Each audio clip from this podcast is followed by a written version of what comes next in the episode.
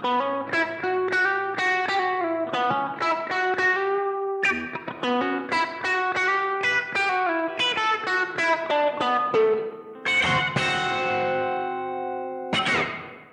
guys, bareng kita lagi nih di ngobrolin emiten atau biasanya kita namain monten ya. Iya bener banget, sama aku dan Bagas nih hari ini. Kita nggak sendirian nih, kita juga ada tamu dari uh, teman-teman dari KSPM yang menang lomba uh, internal stock competition. Nah mungkin perkenalan nih teman-teman dari Raffi mungkin. Halo semuanya, makasih. Uh, sebelumnya Perkenalkan, nama aku Adi Aksarafi. Sekarang aku lagi magang di KSPM, tepatnya di Kominfo. Wih, Kominfo asik tuh. Asik, asik. Kamu jurusan apa, Vi? Aku kebetulan jurusan manajemen tahun 2020. Oh, Oke. Okay. Terus ada Arkan, mungkin bisa perkenalan Arkan. Perkenalkan, aku Muhammad Rafi Arkaan, magang di KSPM di tepatnya di divisi Litbang dari jurusan manajemen angkatan 2020. Oke, Litbang ya. Keren lah Litbang, hmm. divisiku. Oke, selanjutnya mungkin Buma nih mau kenalan nih Buma. Oke oke, jadi semuanya perkenalkan nama aku Aldi Boma Pradita, biasanya dipanggil Boma. Aku kebetulan sama nih jurusannya, sama kayak Raffi sama Arkan nih, aku dari manajemen tahun 2019. Kebetulan juga aku lagi magang di KSPM di divisi PSDM. PSDM mania, anjay mabar. Anjay. Oke, okay. kalian tuh analisis apa sih kemarin? Nah kebetulan Uh, ya kemarin kan sempat ada ini ya apa namanya kompetisi internal analisis stock competition ya. Nah kebetulan dari kelompok kami ini kelompok semangat bor namanya agak aneh juga ya namanya semangat bor. Nah kita ngambil emiten Sido muncul kode Sido.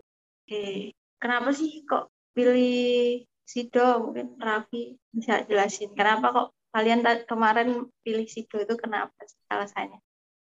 Kalau menurut aku waktu itu kenapa sih kita pilih emitennya itu Sido Muncul atau Sido? Itu karena satu kita mau cari yang mudah untuk dianalisis yaitu dari sektor consumer good gitu. Kalau dari aku dan Sido Muncul ini eh, brandnya udah cukup terkenal di Indonesia gitu. Oke, kalau dari Arkan, mungkin ada insight lain tentang Sido alasan kita awal itu milih Jido karena uh, beberapa referensi sih dari kita uh, Mbak Danis waktu itu saranin ambil Consumer Good. Terus akhirnya ambil Sido mungkin ya sama kayak yang Raffi tadi karena usahanya udah besar dan banyak dikenal masyarakat dan uh, dekat dengan kehidupan kita gitu jadi kita tertarik uh, analisis uh, emitensi.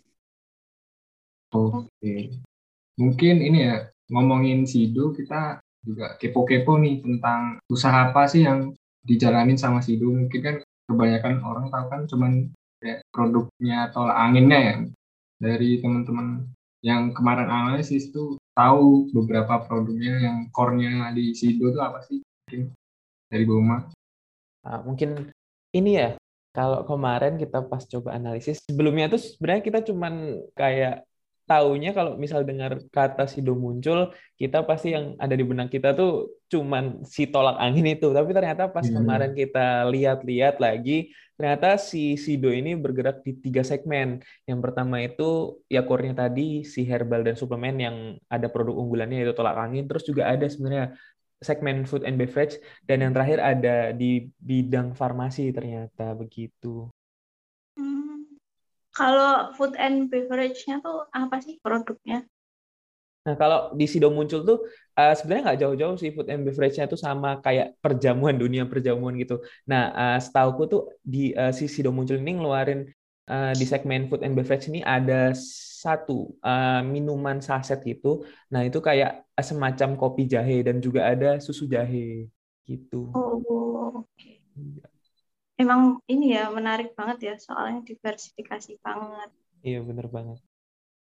Oke kalau mungkin dari bisnis itu tapi kan kita tahu sendiri kalau dari core-nya itu emang dia megang di jamu itu ya herbal itu tadi.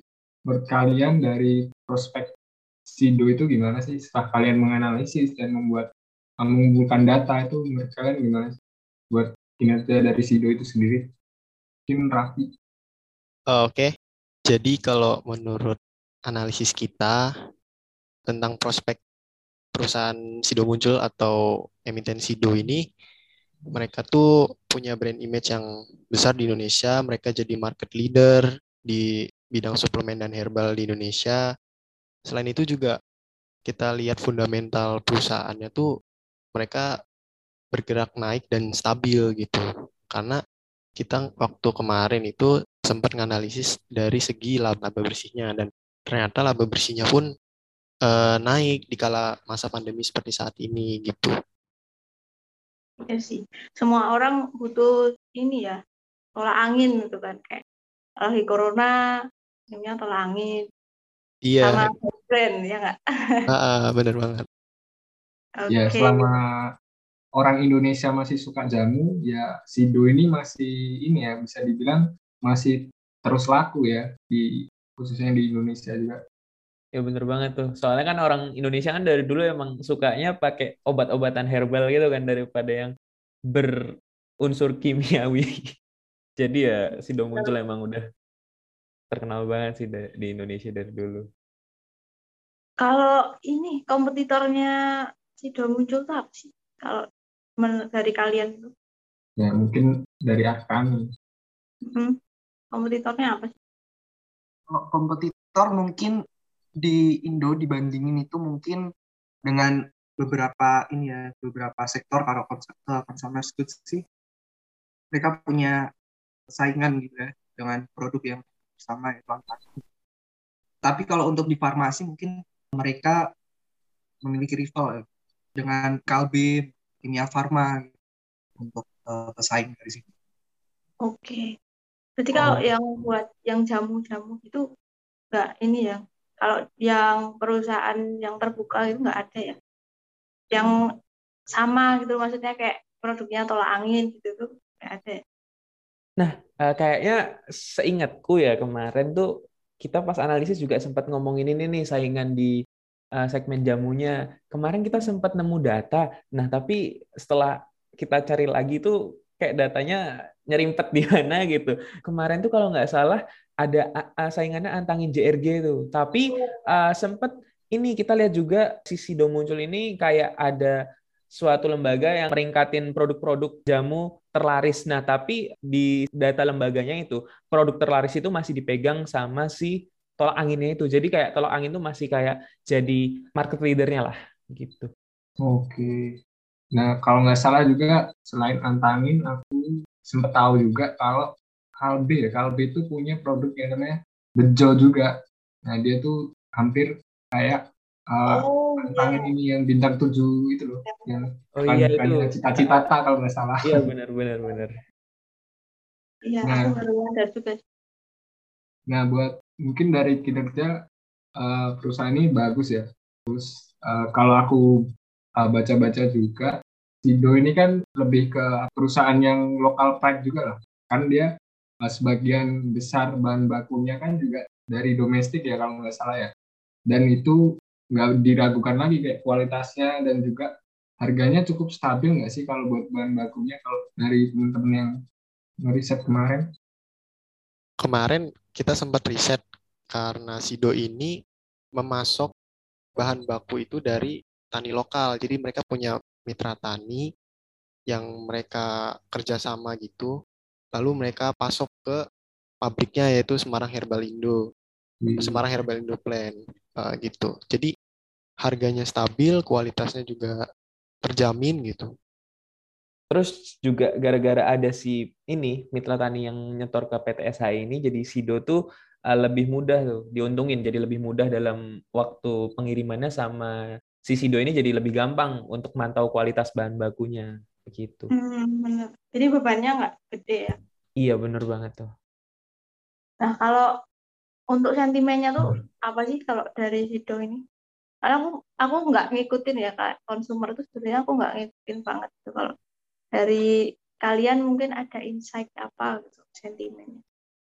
Uh, sentimen, sentimen ini sebenarnya aku kemarin nemu tiga sih, nemu tiga sentimen yang berhubungan dengan Sido muncul. Yang pertama tuh Sido muncul kan lagi gencar-gencarnya ekspor nih ke luar negeri, yaitu ke Afrika sama ke Asia Tenggara dan juga Timur Tengah. Nah itu bikin apa ya? Bikin investor-investor tuh pada ngira kalau harganya tuh bakal naik tuh, bakal perusahaannya tuh bakal dapat laba yang banyak, terus harganya juga bakal naik. Nah, terus yang kedua itu sentimen dari COVID itu sendiri. Nah, kalau COVID-nya berakhir atau pasca COVID, itu kan orang-orang kayak mulai hidup sehat, gaya hidup baru, dan itu bikin sentimen di pasar terhadap investor itu biar si harganya itu naik harga dari Sido dan yang terakhir ini Sido baru-baru ini bakal bagiin saham bonus gitu Oh iya benar. saham treasury-nya eh. jadi itu yang lagi trending sekarang dan bikin sentimen di masyarakat Oke. Menarik sih. Dan Jadi aku pengen. Ya. juga ini sih sedikit apa ya kemarin uh, di analisis analisis sedikit kecil-kecilan lah. Jadi buat tambahin informasi aja kalau Sido ini sebenarnya juga bisa dibilang perusahaan atau emiten buat inceran nabung saham ya. Uh, misalnya kita nabung dari tahun-tahun sebelumnya, terus kita lihat ternyata sekarang udah naik, nah itu bisa dibilang kita bisa dapetin profit yang lumayan. Misalnya kita uh, dari tahun-tahun sebelumnya nyicil Sido ini ya, karena bisa lihat dari apa fundamental itu ngikut ngikutin ke harga sahamnya yang terus naik ya. Mungkin dari hargaan bisa ngasih insight tambahan. Kalau menurutku untuk cocok atau enggak nabung saham, emiten Sido ini salah satu yang cocok gitu untuk nabung saham ya. Karena kalau dilihat dari harga sahamnya itu relatif stabil gitu di harga segitu segitu aja. Dan Sido ini tuh eh, cocok untuk nabung saham karena atau enggak untuk yang mencari capital gain gitu ya. Karena Sido ini salah satu emiten yang royal gitu untuk ngebagiin dividen. Jadi buat orang-orang atau investor yang tipikalnya untuk mencari dividen atau dividen hunter ini cocok untuk uh, nabung saham. Sebenarnya ini sih pro kontra sih. Kalau dari apa sebelum sebelum corona ini sebenarnya dividen yang dibagiin tuh ya cuma eh, 80% dari laba bersihnya gitu. Kalau lagi corona ini dividen yang dibagiin kan 100% lebih gitu. Mungkin ini salah satu cara si Sido sih buat kayaknya kan induknya kan hotel ya kalau nggak salah ya nggak sih Hmm. teman-teman ya mungkin tuh salah satu cara kali ya buat istilahnya ngasih uang gitulah ke si induk hotelnya itu tadi. Nah kalau menurut kalian nih udah over value kah apa under value sih kalau Cido ini dari analis kalian nih kan pasti udah ngitung nih. Kalau hasil dari hasil analisis kami ya, kita pakai beberapa valuasi dan dari beberapa valuasi itu kita dapat kalau emiten Sido ini tuh sebenarnya udah cukup over value gitu ya. Karena dibanding dengan kompetitor-kompetitornya eh, mungkin di- dilihat dari PBV atau PER-nya itu masih di atas dari emiten lain gitu. Oke, kalau aku lihat juga dari pergerakan harga sahamnya selama setahun ke belakang ini juga ya, dia cenderung apa sideway juga sih di antara resistennya tuh di 820-an sama supportnya di 720-an. Jadi selama setahun terakhir itu ya geraknya cuma di situ-situ aja sih. Mungkin para investor dan retail pun juga mungkin sadar ya sama harga Sido yang cukup over value. Iya, bener banget tuh. Karena kan Ini- juga Sidonya udah over value dan juga sebenarnya kalau menurut kami Sido ini juga nggak cocok buat orang-orang yang ngincer value stock buat potensi multi bagger tuh loh. Jadi kayak eh, cari capital gain yang banyak dari kenaikan harga sahamnya. Tapi kalau menurut kami juga Sido ini sebenarnya cocok buat orang-orang khususnya yang jadi dividend hunter karena sebenarnya si Sido ini dari tahun 2018 itu udah nerapin dividen payout ratio-nya itu tinggi banget di atas 80 per, 85 persenan kalau nggak salah. Jadi Iya. saham Sido ini menurut kita cocok banget buat orang-orang yang ngincer dividen begitu.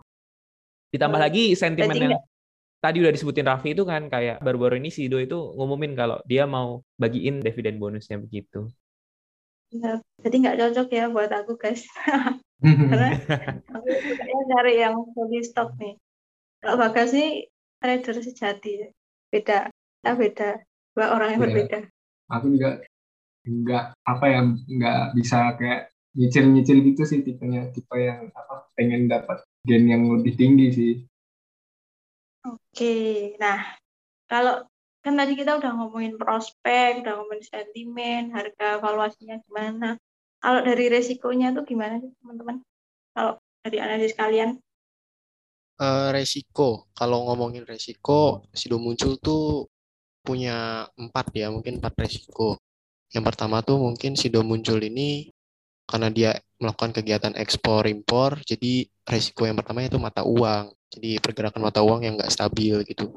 Lalu karena dia ada di Indonesia dan bahan bakunya itu berupa rempah-rempah, jadi rempah-rempah itu sangat bergantung pada iklim. Jadi itu yang kedua dan yang ketiga, yang ketiga itu mungkin kemarin gara-gara COVID ini ada PPKM ya. Jadi orang-orang tuh kurang bisa mendapatkan produk-produk Sido ini secara langsung gitu beli di toko atau gimana. Tapi untungnya ada digital gitu. Jadi mereka bisa beli dari marketplace gitu. Mungkin itu aja sih. Mungkin Arkan mau nambahin nggak? Ya mungkin nyambung sama yang dibilang Raffi ya. Yang soal pelemahan daya beli, eh, ini cukup menarik sih. Soalnya kalau dilihat dari hasil penjualannya sih eh, memang meningkat gitu. Tapi kita nggak bisa tutup mata kalau kemampuan membeli masyarakat ini pada saat pandemi, terus dengan kebijakan-kebijakan pemerintah dari tahun lalu PSBB, kemudian PPKM, ini pasti mempengaruhi kemampuan daya beli masyarakat gitu. Jadi resiko bisnis saat ini juga dipengaruhi oleh pelemahan daya beli masyarakat. Oke. Nah, gimana guys? Kalau kamu guys, kamu mau beli Sido nggak guys? kalau buat tipe aku masih mikir-mikir ya Eh, Iya, jadi sama buat long term bagus sih. iya Nah, buat Sido ini emang ya kita aku nyimpulin dari teman-teman semua nih bahasan yang kita dari awal juga bahwa eh, Sido ini perusahaan yang punya lini bi- bisnis yang bagus juga dan dia tuh di posisi bisnisnya tuh juga bagus dan kinerjanya pun juga bagus. Eh, salah satunya yang terkenal juga GCG-nya yang baik karena eh, dia ini jarang banget kena kasus hukum ya. Jadi bisa dibilang dari sisi perusahaan ini cukup bersih dan cocok banget eh, buat teman-teman yang pengen nyicil-nyicil tuh. Kalau belinya dia pengen nabung-nabung nah, jadi Sido ini eh, cocok lah buat apa ditabung istilahnya kalau apa orang investasi bilang ya. Mm-mm, benar. Nah, itu kalau kesimpulan aku sama Bagas. Ya, kalau kesimpulan dari kalian nih, mungkin mau ngasih kesimpulan salah satu dari kalian. Mungkin aku nambahin dikit aja sih. Eh, mungkin buat yang investor yang mau misalnya mau cari value investor gitu, tipe-tipe value investor, mungkin bisa beli har- pas di harganya tuh lagi diskon open posisinya. Jadi mungkin itu efek jangka panjangnya itu mungkin lebih bagus buat investor gitu. Mungkin seperti itu sih. Oke. Mungkin yang lain Kalau harga ininya, harga wajarnya di berapa sih sebenarnya kalau dari analisis kalian? Kalau hasil dari analisis kami sih harga wajarnya itu mungkin intrinsiknya ya mungkin dari kita pakai IPS discounted model itu eh, intrinsiknya itu justru jauh di bawah harga saat ini. Tapi Hmm, ya itu tadi kembali kalau untuk eh, nabung saham atau untuk investasi jangka panjang sih menurut kita mungkin emiten Sido ini masih menarik gitu untuk dijadiin Oke. Ya, kurang lebih kayak gitu ya. Mungkin Buma mau nambahin, Buma? Aku s- kurang lebih sama sih Mbak, sama yang lain. Gitu sih. Untuk saham Sido emang cocoknya untuk jangka panjang. Oke semuanya. Jadi ya banyak ya yang bisa apa, dikulik dari Sido ini yang mungkin karena waktu kita cuman apa singkat nggak bisa panjang-panjang tapi ya kurang lebihnya seru lah bahas Sido ini apalagi saham-saham yang bagus tuh ya cukup menarik lah cukup kita buat apa tertarik pengen ngelirik lah Iya, betul. Buat jangka panjang ya, buat pensiun apa mana. Iya. Iya. Oke teman-teman mungkin sekian dari Ya, uh, jangan pembicaraan lupa jangan lupa follow eh, IG kita @kspm UPN PY dan podcast kita podcast Candu Investasi. Pokoknya ikutin terus ada konten, ada ngopi, ada apa lagi guys? Ngerti, ngerti. ngerti ya. Ya, Yoi. Ya. Oke, Makasih makasih semua. semuanya. Makasih Bung, makasih Raffi, Mas Arkaan. Kita ketemu lagi. Makasih, makasih. Bye. Makasih, makasih.